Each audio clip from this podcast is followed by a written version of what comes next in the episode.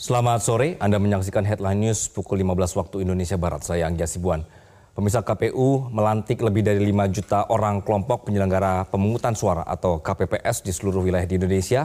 KPU, KPU juga melakukan kegiatan menanam pohon di daerah sejumlah anggota KPPS yang dilantik.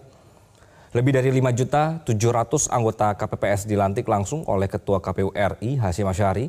Pelantikan dilakukan melalui daring di 71 ribu tempat di Indonesia. KPU juga melakukan bimbingan teknis pelatihan pada tujuh anggota KPPS, di mana pada pemilu atau pilkada sebelumnya bimbingan hanya dilakukan bagi satu anggota KPPS.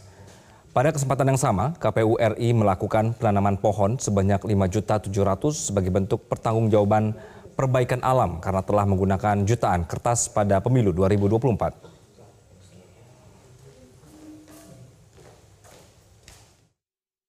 Ini yang berbeda dengan pemilu-pemilu atau pilkada sebelumnya yang e, dilatih atau diikutsertakan dalam bimbingan teknis hanya satu orang.